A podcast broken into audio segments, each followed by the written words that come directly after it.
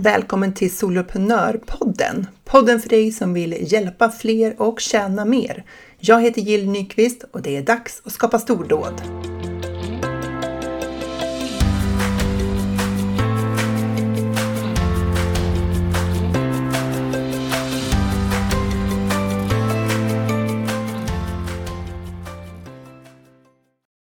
Idag har jag med mig Ann Söderblom, ekonomicoach för kvinnliga entreprenörer. Och jag tänker att det här kommer bli ett riktigt spännande samtal. Varmt välkommen till Soloprenörpodden Ann. Tack så jättemycket Jill, det är jätteroligt att vara här. Du måste berätta, så här, vad är det du gör och vilka är det du hjälper? Absolut, det kan jag absolut göra.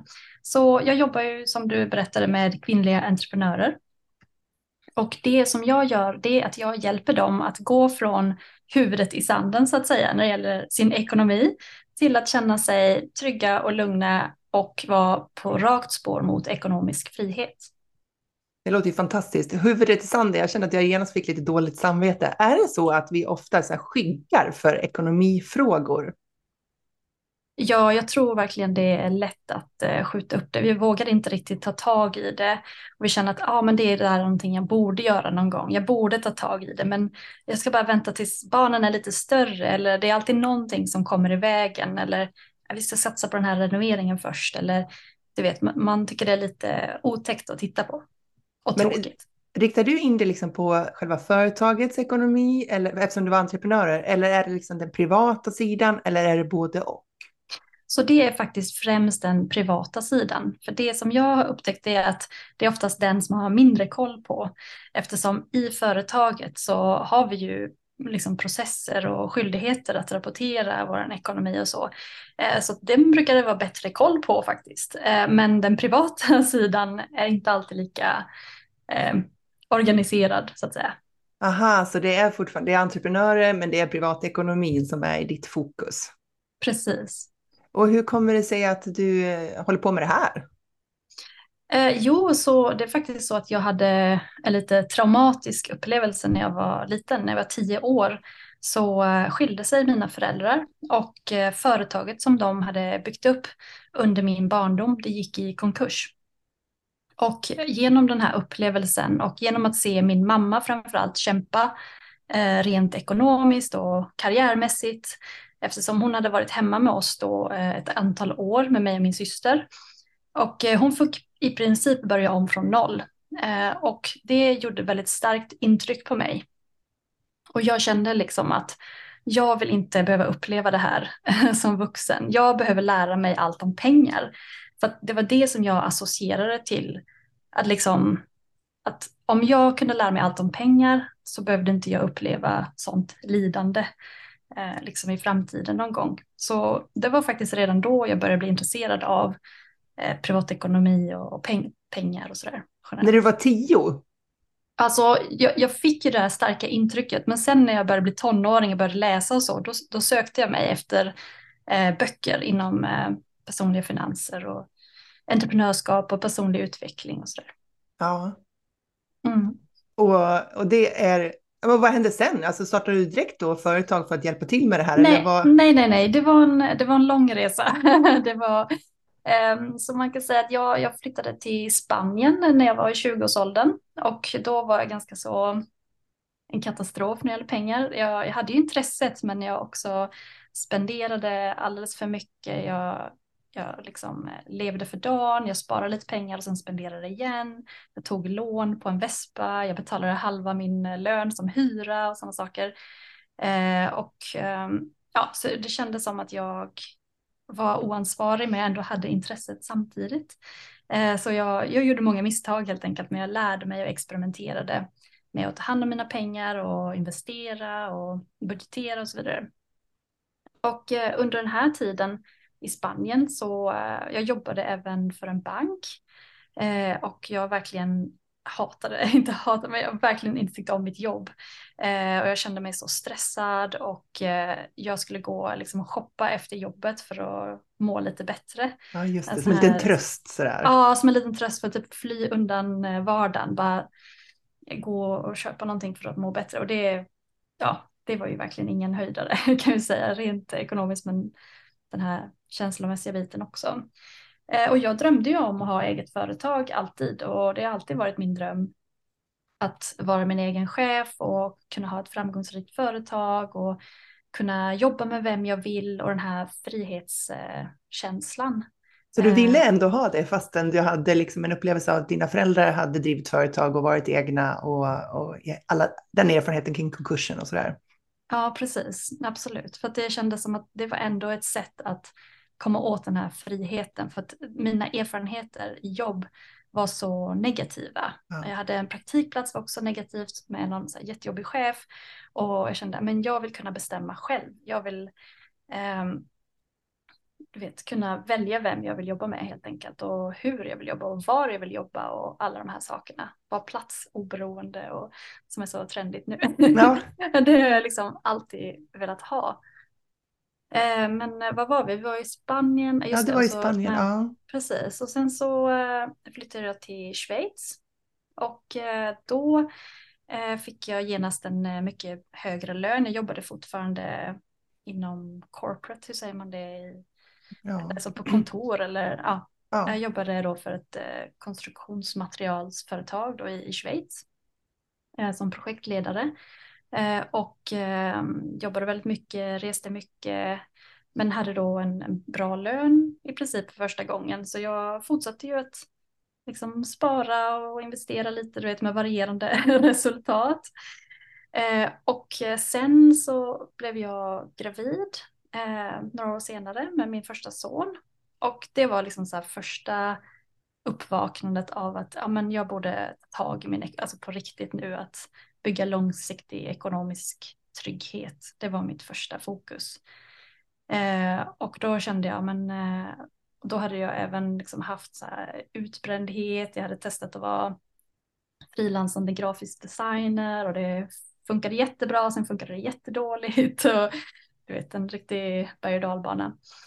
Eh, nej men så, så det var den första liksom, idén och sen ganska så kort därefter så hittade jag en blogg eh, om ekonomisk, eh, ekonomiskt oberoende. Du vet när man lever på avkastningar. Eh, som heter Mr Money Mustache. Det är ganska känt i de där kretsarna. Om typ eh, tidig, att gå i tidig pension. Han gick i tidig i pension när han var 30 eller något sånt där. Eh, ja, precis. så, ja, det var tidigt. Extremt. Ja. Nej, men, eh, och då läste jag hans blogg och han liksom och det var så, jag blev så påverkad av det här. Jag, jag, det här. jag tänkte det finns ingenting jag vill hellre än att bestämma över min dag, hur den ska se ut. Det finns liksom ingen lyx som jag hellre skulle betala för än att det är den liksom ultimata lyxen ja. för mig, den ultimata friheten. Och jag blev så eh, liksom imponerad av den där, så jag satte igång direkt och, och köra mot det helt enkelt. Alltså det där är så spännande hur hur man kan stöta på någon som digitalt, för det var inte ja. så att du träffade den här mustaschen, Nej. utan du, du liksom läste ju bloggen och det gjorde ja. en sån stor inverkan på dig att det liksom förändrade, ja, du gjorde helt andra beslut efter det. Ja, totalt. Absolut. Och jag, och jag körde ju på att det blev ju, i, till slut blev det i snitt att jag sparade 70 procent av min inkomst under de följande sju, åtta åren. Så det var ju att det var, ja, det, det, det, det förändrade hela mitt liv. det var ju liksom en resa som var fantastisk för mig för att jag uppnådde den här friheten då precis när vi skulle flytta till Sverige. För då bodde var... ni fortfarande i Schweiz? Ja, vi bodde fortfarande i Schweiz och sen så flyttade vi nog till Sverige då för tre år sedan. Och det var ju den vevan, för att komma till ett svar långt efter det här, varför jag startade mitt företag som ekonomicoach. Ja. Det var just det här med att jag var ekonomiskt fri. Jag kände att jag ville göra någonting meningsfullt. Jag hade ingen aning om hur, men jag visste att jag ville hjälpa kvinnor med sin ekonomi på något sätt. Eh, och då kollade jag runt lite och så eh, för jag kände att jag behövde den här meningsfullheten och typ att göra någonting professionellt eh, i mitt liv. Eh, då, ehm, ja, så då blev det att jag startade en financial coaching firma helt enkelt. Och när var detta då? Vilket år? Det är ungefär tre år sedan, två och ett halvt. Mm. Vad är, vad är det nu, 22? Det var 2019 då, eller 2020? Ja, 2020. Ja. ja. jag började liksom posta lite content först och sen registrera mitt företag några månader senare. Och du finns ju på Instagram under ett annat namn än ditt namn. Ja, precis. Ja, det är ju lite förvirrande kanske. kanske borde ändra det någon gång. Men företaget heter Molly's Money. Just det. Så det är Molly's eh, underscore money eh, som är mitt företagsnamn. Just det. Du, jag måste bara fråga, när du sa att du, du liksom du kom ändå från en situation där du eh, från början då hade typ spenderat alla dina pengar och kanske liksom mer än vad du hade, du tog lån och så vidare. Och så kom det, så blev det så att du sparade 70 procent av din lön. Mm. Hur, vad var det du avstod ifrån som gjorde det möjligt för dig att spara så mycket av din inkomst? Ja, vad det var som gjorde. Så ehm, det var, jag kan säga bara först att det var två faktorer. Jag, kan, jag kommer till sparandet, men det var också att jag kämpade för att öka min inkomst samtidigt. Eh, så det var liksom, det, det, det, är en jättekraftfull effekt man kan få om man jobbar åt båda hållen så att säga. Men de här 70 procenten, eh, så att det är matlåda, för ja. alltså inte gå ut och äta. eh, cykel som transportmedel eller eh, tåg om man ska åka längre. Eh, gym, naturen. Naturen funkar jättebra som gym. Naturen funkar jättebra som underhållning och sociala eh, aktiviteter hajka. Eh, second hand till allt, i princip till barnen. Barnen var små bebisar. De, det var så fantastiskt. Det finns ju, folk bara ger bort gamla barnsaker som har använts så kort tid. Så att det, allting var ju nästan nytt men det var ändå second hand. Ja. Eh, så att eh, laga, ja men du vet alla de här eh, sakerna. Biblioteket för underhållning. De har filmer, de har böcker. Eh, träffa kompisar, eh, du vet på en picknick, träffa kompisar på någon skogspromenad, eh, allt sånt. Och barnen var ju väldigt små under den tiden så det var ju inga stora resor. Eh, jag ville inte resa med små barn för jag tyckte det var så stressande och svårt bara att bara vara hemma. Mm. så att, eh, då, då blev det liksom inga långa resor heller och ja, ett väldigt eh, liksom enkelt men ändå glädjerikt liv under de här åren tycker jag. Var det svårt liksom att ställa om sin livsstil? För jag tänker de saker du säger nu, liksom matlåda, cykel och tåg som resesätt, gym, som använder naturen som, som mm. aktivitetscentrum, både för sociala grejer och för träning och handla mm. på second hand. Och jag håller helt med dig, det finns ju, även för vuxna finns det galet mycket på second hand som är ja. otroligt mycket billigare. Det är ju sånt som alla som, jag kan börja göra det när som helst, eller, och, och den som lyssnar kan börja göra det när mm. som helst. Men Absolut. var det svårt att ställa om till den typen av livsstil från den här konsumtion som den de flesta av oss är i? Mm. Nej, jag tror just med de här eh, erfarenheterna i bagaget, eh, det här med min barndoms eh, upplevelsen där med mina föräldrar, intresset av liksom ekonomi och sådär och sen av att jag hade ganska dåliga erfarenheter när jag började jobba efter min, liksom min praktikplats och mina första två jobb tre jobb till och med tror jag. Eh, väldigt stressande. Jag är en väldigt så här, högkänslig person så jag skulle behöva gå in och gråta på toaletten för att det var så hög press och så liksom, toxic miljö ja. på de här kontorsjobben. Så det var, det var liksom ett sätt att fly undan det. Alltså det var lösningen på att inte behöva befinna sig i de miljöerna. Ja, så jag tror det hjälpte till väldigt mycket. Självklart var ju den här drömmen om friheten också där. Men det, det kom liksom från båda håll på något vis. Att jag, jag var så motiverad till att uppnå den här friheten. Just ja, på grund av de här erfarenheterna också då. Just det, för jag tänker att just det där liksom att här, varför gör jag det här, den här förändringen? Oavsett vilken förändring vi vill mm. göra i våra liv så behöver vi förstå här, det måste kännas viktigt av någon anledning, särskilt om, om man upplever att man måste förändra ganska stora saker eller om man till och med upplever att man måste försaka vissa saker, man måste uppoffra sig mm. eller ja. sådär. Då behöver man ju ha ett tydligt så här, varför, varför gör jag det här? Ja, absolut. Så det var ju stort varför var just det här friheten och kunna stå på mina egna ben oavsett jobb, relation eller företag om det gick dåligt av någon anledning. Men att ha den här friheten var ja, väldigt motiverande och det kändes inte som en uppoffring. Jag mm. kände aldrig att jag led genom de här åren på något sätt. För mig blev det som ett spel. Jag tyckte det var så häftigt att gå igenom min budget rad efter rad och titta Ja. hur kan jag pressa det här mer? Hur kan jag spara in det här mer? Hur kan jag få det här gratis? Liksom. hur kan, för det, var som, det var som ett spel för mig, det blev som Ja, en utmaning. sport liksom. Ja men precis, och det var väldigt så här, intellektuellt stimulerande, väldigt kreativt. Ehm, och jag tror också just att man, det är mycket identitet i den här early retirement communityn. Eh, så att det spelar in också att man kände sig liksom badass eller liksom cool, att, smart. Att, att det liksom stimulerar egot lite, att man faktiskt, man känner sig inte som ett offer eller som att man försakade någonting eller oj stackars mig som måste cykla med dubbdäck på vintern liksom Ja, med eh, barnen där bak i en sån här bike trailer. liksom det, Mm. det var, jag, jag tyckte bara att jag kände mig liksom kraftfull. Just i att jag kunde- Stark i att Ja, stark. Ja. precis. Alltså jag kan verkligen relatera till det där, inte vad det gäller den ekonomiska communityn, men jag hade precis samma upplevelse när jag började jobba online. Mm. Att, och det är så kraftfullt det där att få befinna sig i en miljö där andra redan gör det jag vill göra, där andra redan når vissa resultat som jag vill uppnå.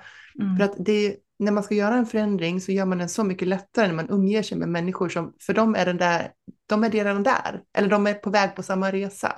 Mm. För man behöver, eh, man behöver den inspirationen och den eh, dragkraften som det ger att se andra göra det jag vill göra och vara en del av den rörelsen. Precis. Precis, man känner sig inte ensam och man får Nej. inspiration och får idéer. Och den här gemenskapen framförallt, att man, man kämpar med samma saker. Och man Mm. ser någon har hittat en lösning som är jättesmart. Man, Åh, men det ska jag med göra. Mm. Då, Ja, Nej, men jag kan verkligen relatera till det för att när jag startade mitt företag då, då hade jag ju ett nätverk som inte bestod av entreprenörer online och det var ingen av dem som jag träffade då som förstod vad det var jag ville uppnå. Då blev det så, då blev det så avlägset. Men när jag Mm. hittade liksom människor online som faktiskt var på samma spår som jag, då blev det plötsligt så nåbart och genomförbart, för då var jag i rätt sammanhang för att göra de förändringar som jag ville göra eller bygga upp det jag ville göra. Så jag kan Mm. verkligen relatera till just den där community och gemenskapskänslan och den draghjälpen som man får mm, av att vara en del av det. absolut. Sen måste det ju vara väldigt peppande. Tänk så här, du måste ju ha sett det där himla kontot växa också. Att så här, pengarna ja, ökade. ja, ja, men absolut, absolut. Det är ju fantastiskt. Alltså det, det är ju väldigt motiverande. Man följer, jag kommer in på det, liksom, jag kan berätta om nettovärde. Det är liksom när man håller koll på ens nettovärde och jag kan berätta om vad det betyder. Men Mm. Eh, alltså att när man ser hur mycket pengar man har helt enkelt och, och sätter det i relation till ekonomisk frihet och räknar ut hur mycket passiv inkomst man har redan idag. Man kan ju räkna ut det även om det är jättelite. Men jag kommer ihåg att jag tänkte i början liksom, ja men nu har jag passiv inkomst som täcker mitt, eh, jag, jag gick inte till frisören så jag ska inte säga frisörbesök. men det här täcker eh, tio burkar med krossade tomater eh, i månaden. Eller nu täcker den passiva inkomsten eh, telefonräkningen. Eller nu täcker den passiva, du vet att man kunde följa det rent hypotetiskt för jag hade ju inte Ja. börjat ta ut några pengar än eller så. Nej, men bara översätta den där, eh, vad, vad det gör för skillnad i livet. Liksom. Jag kan köpa mat för de här pengarna, jag kan betala med telefon för de här pengarna motsvarande och så vidare. Precis, Mm. precis. Ja, Ja, det låter som en väldigt spännande och inspirerande resa. Eh, Ja. att, eh, att eh, gå från verkligen den ena ytterligheten i ditt fall då, till den andra. ja. Så, så då startade du Mollys Money där 2020. Mm. Och eh, vad är det nu som dina kunder behöver hjälp med? Eller hur liksom ser det där ut? Mm. Ja, så det är lite olika faktiskt. Oftast är det ju då någon som känner sig orolig för sin ekonomi.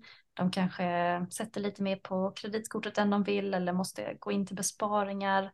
Jag vet inte riktigt om alla pengarna räcker till eller det känns som att pengarna bara försvinner. De bara vet inte var de tar vägen och det känns stressande att inte vara i kontroll av det.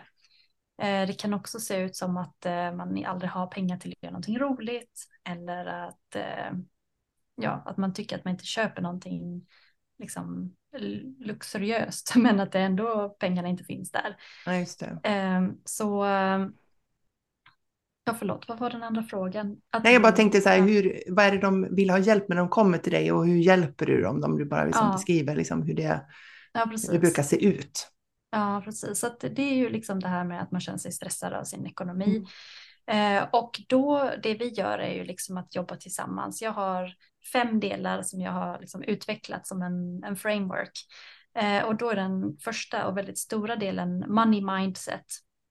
Eh, och det är ju någonting som är så avgörande, hur man jobbar med sitt mindset kring pengar. För det är ju liksom 80 procent mindset och 20 procent praktisk kunskap skulle jag säga när det gäller pengar. Eh, och sen så har vi det här ty, liksom klarheten och nettovärde som andra del i den här femstegs frameworken. Mm. Eh, och det handlar ju om att förstå sin, eh, sitt liksom startläge, sin nupunkt liksom, och kunna veta hur man gör, hur man följer det.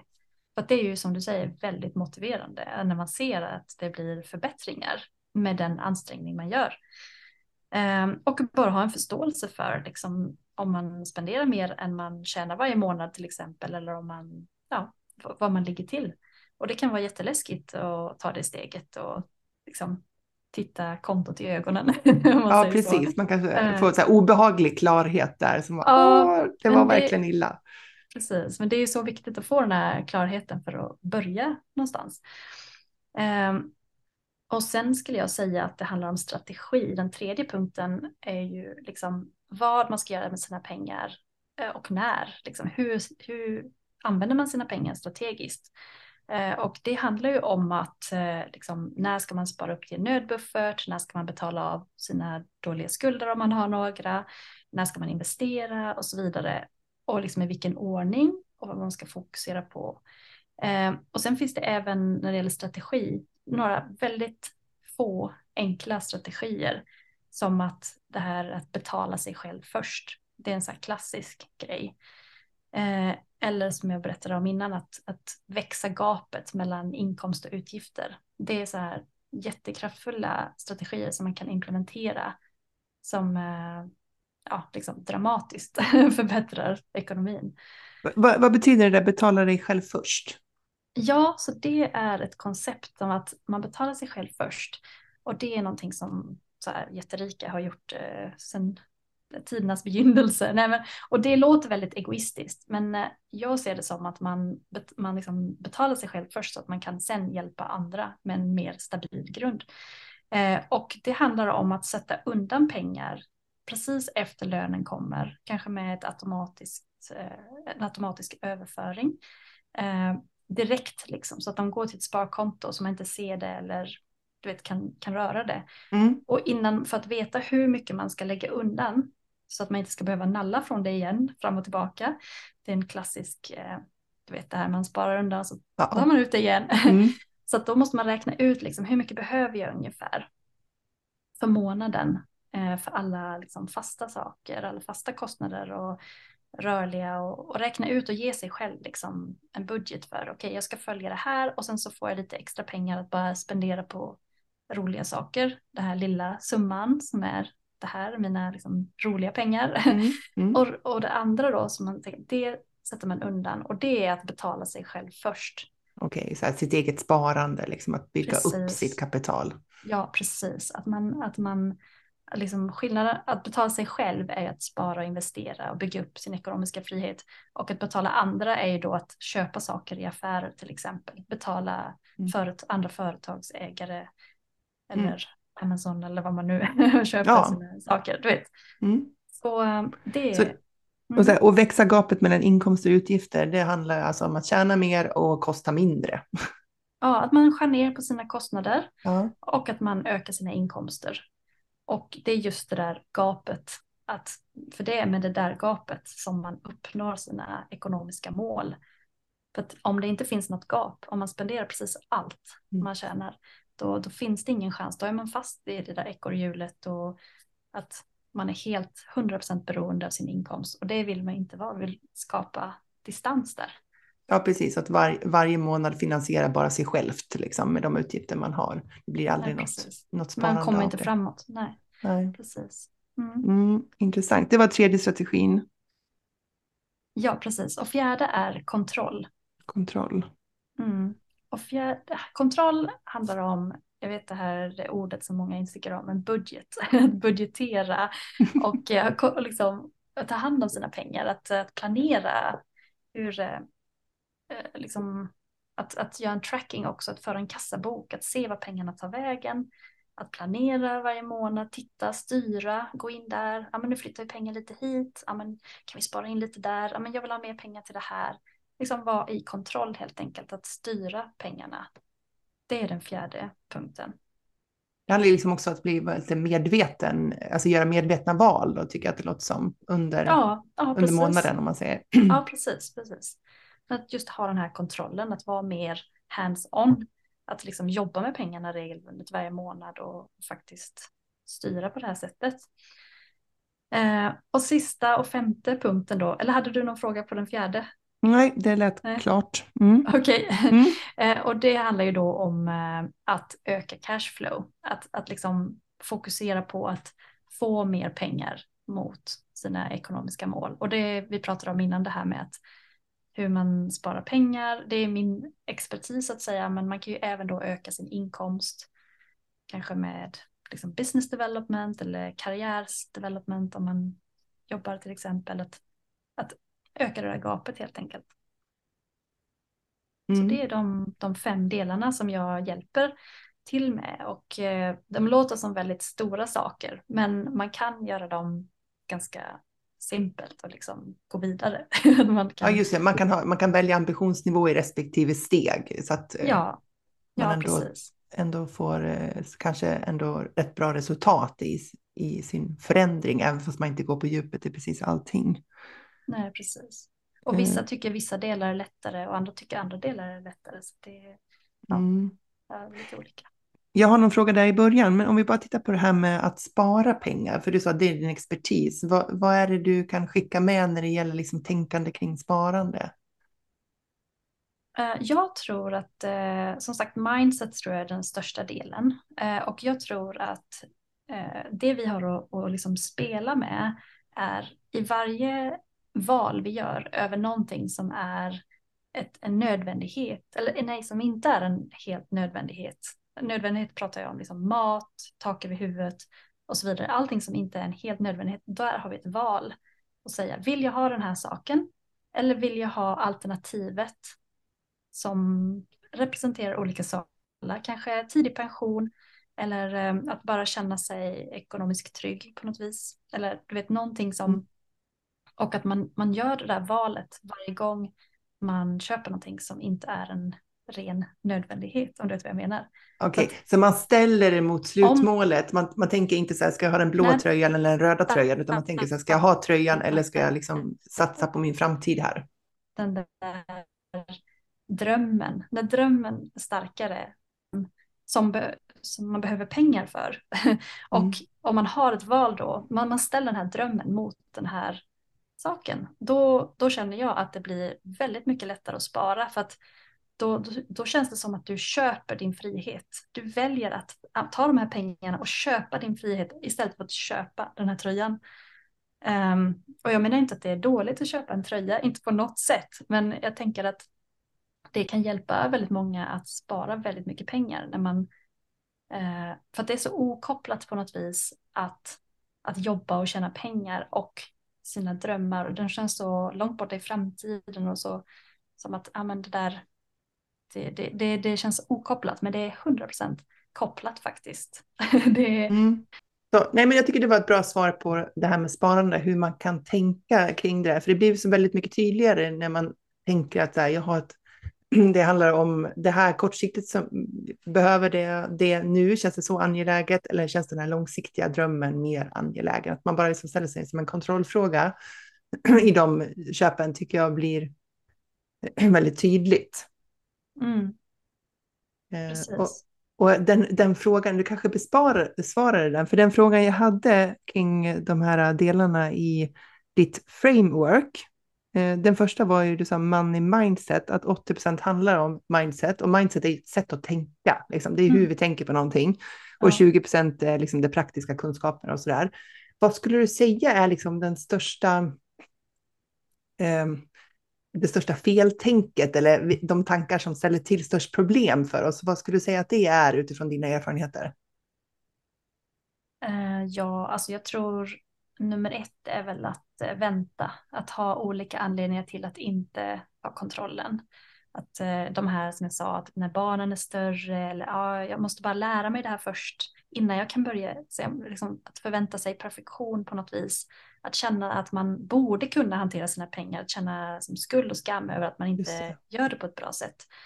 Eller som sagt vänta till efter renovationen, efter min eh, promotion, liksom att få det här nya jobbet bara och sen vi ska bara göra den här långa resan först, vi ska bara vet, stora kostnader som ska vara innan. Eh, man, då, man kanske associerar det med att eh, ja, men sen måste jag lida och snåla och då får jag inte oh. göra något roligt sen.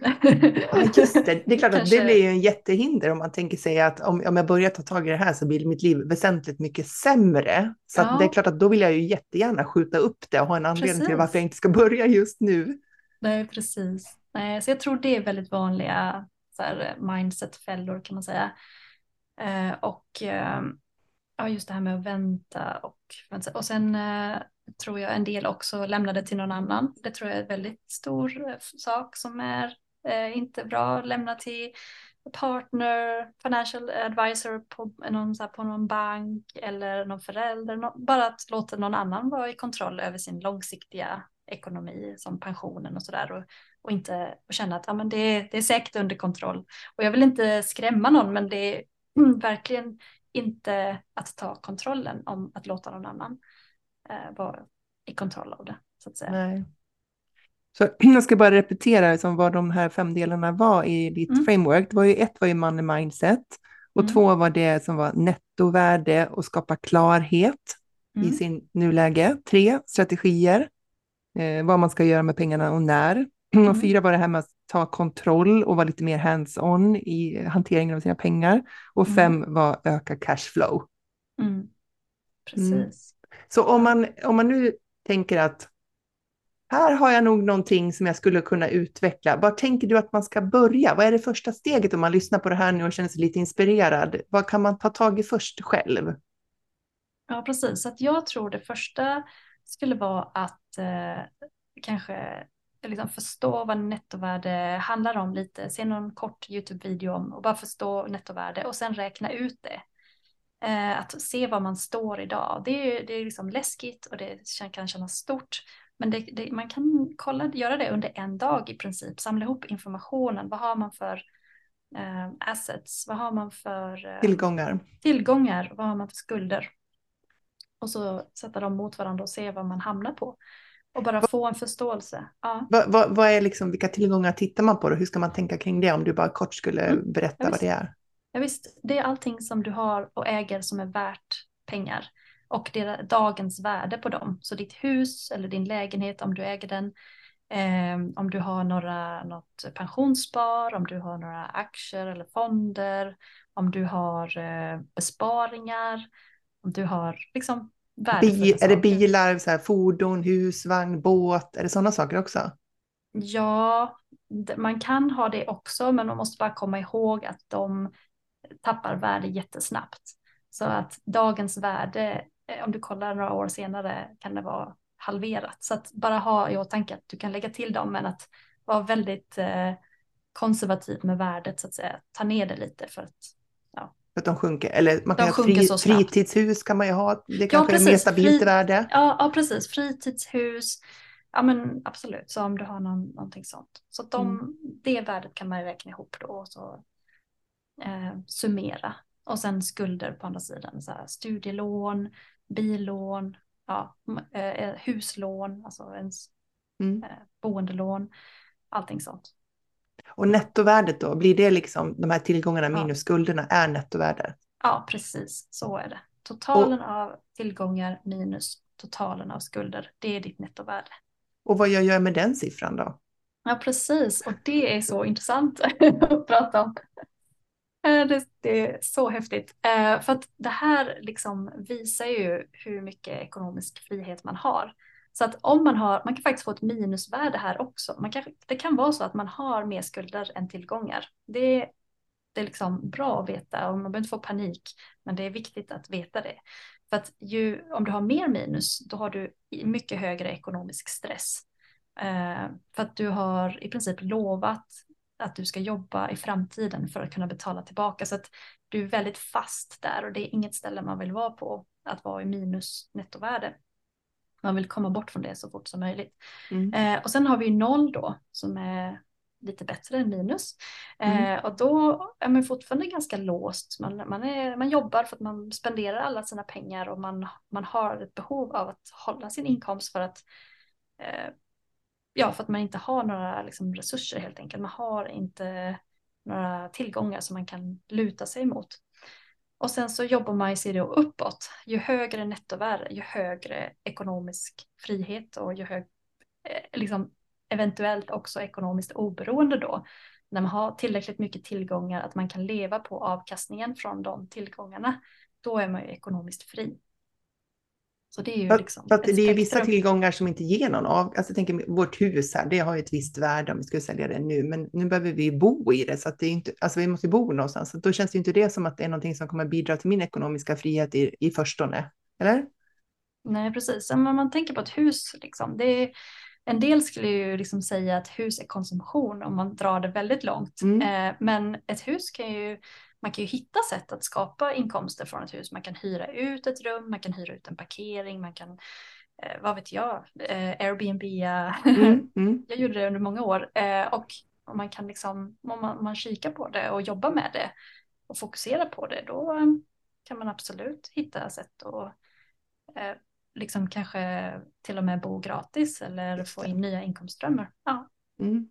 ja, det känns som att det finns mycket spännande att gräva i här. Absolut. Ja, verkligen. Om du nu har... Koll, ja. ja, säg. Nej, men det här med, uh, du frågade vad man ska göra om man vill börja ta tag i det. Ska jag bara säga en sak till kanske mm. som kan vara bra. Och det är ju det här med att föra kassabok. Att uh, göra en tracking på vad pengarna tar vägen idag. Att man börjar skriva upp. Uh, och liksom gå tillbaka kanske en månad och kollar kontoutdrag och kollar och räknar ut ungefär liksom, hur mycket vad pengarna tar vägen och de går. Det är också väldigt bra i början. alltså, jag, jag, tror att, jag vet inte, det kanske, inte, det kanske är för grovt, men jag tror att våran bank, alltså våran privata bank, eh, tillhandahåller någon form av kategorisering, så man kan se liksom så här, Alltså man har mappat olika utgifter till olika kategorier, så man kan se hur mycket lägger vi på mat, hur mycket lägger vi på restaurangbesök. Alltså den typen, räcker det på den nivån? Eller tycker du att man ska föra bok som, i, som manuellt gå igenom och titta? Ja, alltså det är ju det är bättre än ingenting att ha den här från banken då, nedbrytningen, om man har kategoriserat lite och så. Jag tror det är absolut. Men det är ingenting som förändrar beteende så starkt som när man börjar manuellt att tracka sina utgifter. Eh, dels för att det är jobbigt att skriva ner, man tänker äh, jag struntar i det ändå. Eller så bara att man liksom får en väldigt hög förståelse för vad pengarna tar vägen. Att det, är, det är jättekraftfullt. Det kommer liksom ännu närmare när man gör det manuellt. Ja, verkligen, verkligen. Då är man liksom i, i där. mm. Ja, men superspännande. Om man har blivit väldigt inspirerad av detta nu och tänker att man ska bygga upp sin egen ekonomiska frihet här vad, och vill lära sig mer av dig, var mm. hittar man dig då? då? Ja, så jag tror det bästa skulle vara att eh, signa upp mitt eh, nyhetsbrev faktiskt. För att det är någonting som eh, jag ser är väldigt uppskattat och jag skriver en gång i veckan och eh, har väldigt hög så här, open rate så jag är väldigt stolt över det. Så jag skulle säga att man skriver upp sig för mitt eh, nyhetsbrev som första steg. Och eh, vi kan lägga länken kanske i show notes eller ska vi? Du kan säga nu också, men vi kan lägga den där också. Ja, så om man går till min hemsida www.mollysmoney.com, allt i ett, eh, och så scrollar man ner till furten, där finns det en länk till, jag kan inte det bästa stället, men ja. Där, där finns det en länk till mitt nyhetsbrev i alla fall. Perfekt. Ja. Tusen tack för att du ville vara med i Soloprenörpodden och prata om det här. Ja, men tack så mycket Jill, det var jätteroligt. Tack för att du bjöd in mig idag. Så jag hoppas att du vill fundera över hur du kan använda det här för att skapa din finansiella frihet så att du kan skapa dina stordåd.